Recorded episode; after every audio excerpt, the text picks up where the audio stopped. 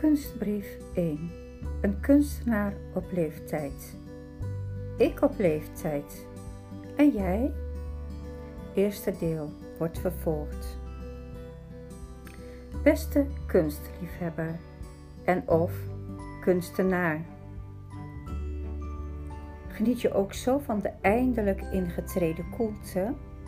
Het is nu ik dit schrijf wel weer heel koel, maar beter dan die hitte die te lang duurde. Ik heb tijdens die hittegolf gezegd: ik zal nooit meer klagen op koud weer of regen of storm. Dus Bergen aan Zee. Afgelopen week was ik samen met mijn man in Bergen aan Zee. Je kon zo vanuit, ons, vanuit onze verblijfplaats het strand oplopen. Het was er beter uit te houden dan in Limburg, waar ik woon. Pootje baden, een verrukkelijk zeewindje en de zon in je gezicht. De rust en vooral het geluid van het ruisen van de zee doen mij altijd zo goed. Even helemaal leegwaaien en je dan langzamerhand volgieten met nieuwe ideeën. Zalig. Ik ben wel al wat ouder. Ik had tijd om te bedenken wat ik voor leuke, leerzame lessen ik aan mijn cursisten en belangstellenden zou kunnen aanbieden. Veel van mijn cursisten zijn al ietsje ouder, ietsje ouder dan 25 of 30. Velen zijn zelfs 60, 70 of zelfs 80 plus. Als ik wel eens met een cursist spreek, hoor ik vaak hetzelfde verhaal. Ik heb vroeger niet zoveel tijd gehad om veel te tekenen of te schilderen. Of het lijkt me wel leuk, maar om er nu nog mee te beginnen? Zelf denk ik ook wel eens. Zal ik mijn atelier opzeggen? Zal ik wat minder gaan tekenen? Waarom zou ik nog aan exposities meedoen? Waarom zou ik nog schilderen? Niet te oud om te tekenen? Ik kan, mij, ik kan mij dan optrekken aan andere kunstenaars die tot op hoge leeftijd bleven of blijven tekenen en schilderen. Als zij door konden gaan, kan ik het ook. Het is geen profvoetbal. Het idee.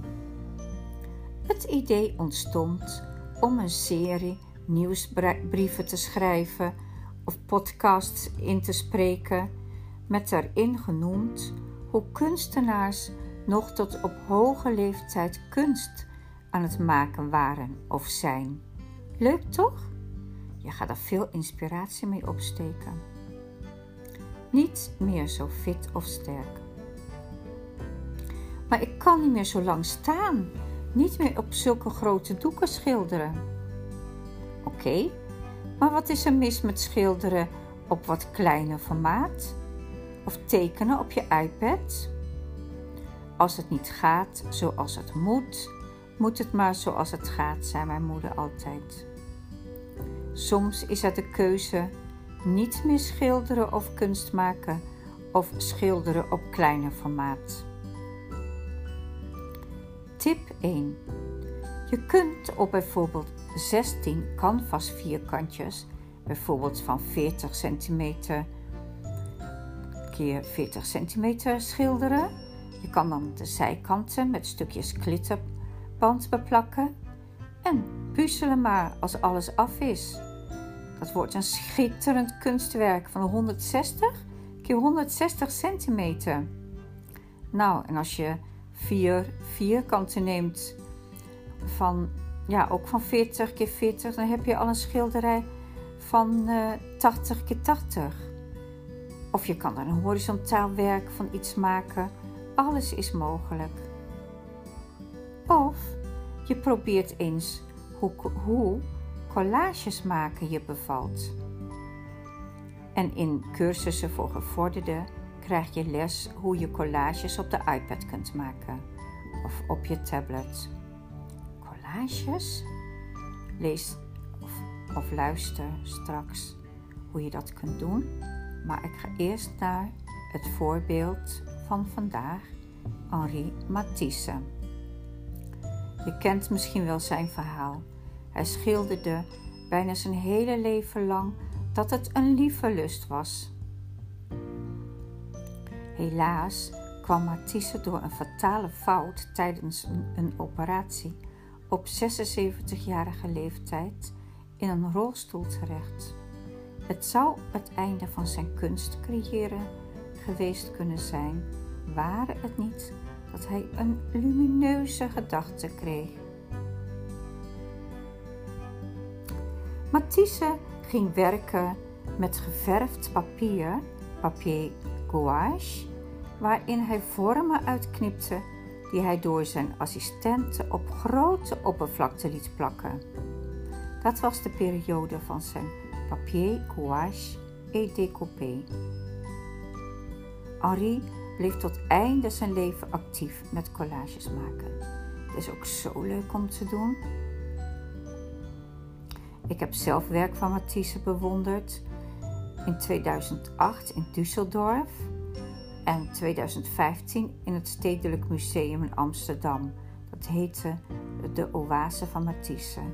Zo mooi als je daarbij staat. Tip 2.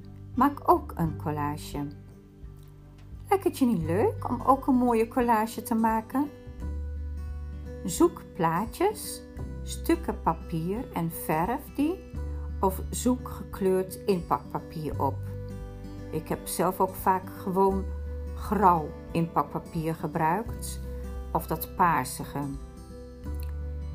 Maak er leuke, bijvoorbeeld abstracte vormen mee. Plak ze ergens op. Denk ook eens aan vloeipapier, schoenendozenpapier, verfrommelen, uitvouwen, opplakken en verven erover. Als je dat met een vrij brede penseel doet, met droge, droge ja, vrij droge verfscheer en je gaat daar scheerlings en over de vouwen, dan krijg je fantastische effecten. Als het je leuk lijkt dat ik dat een keer voordoe in een workshop online, dan moet je dat mij maar eventjes mailen.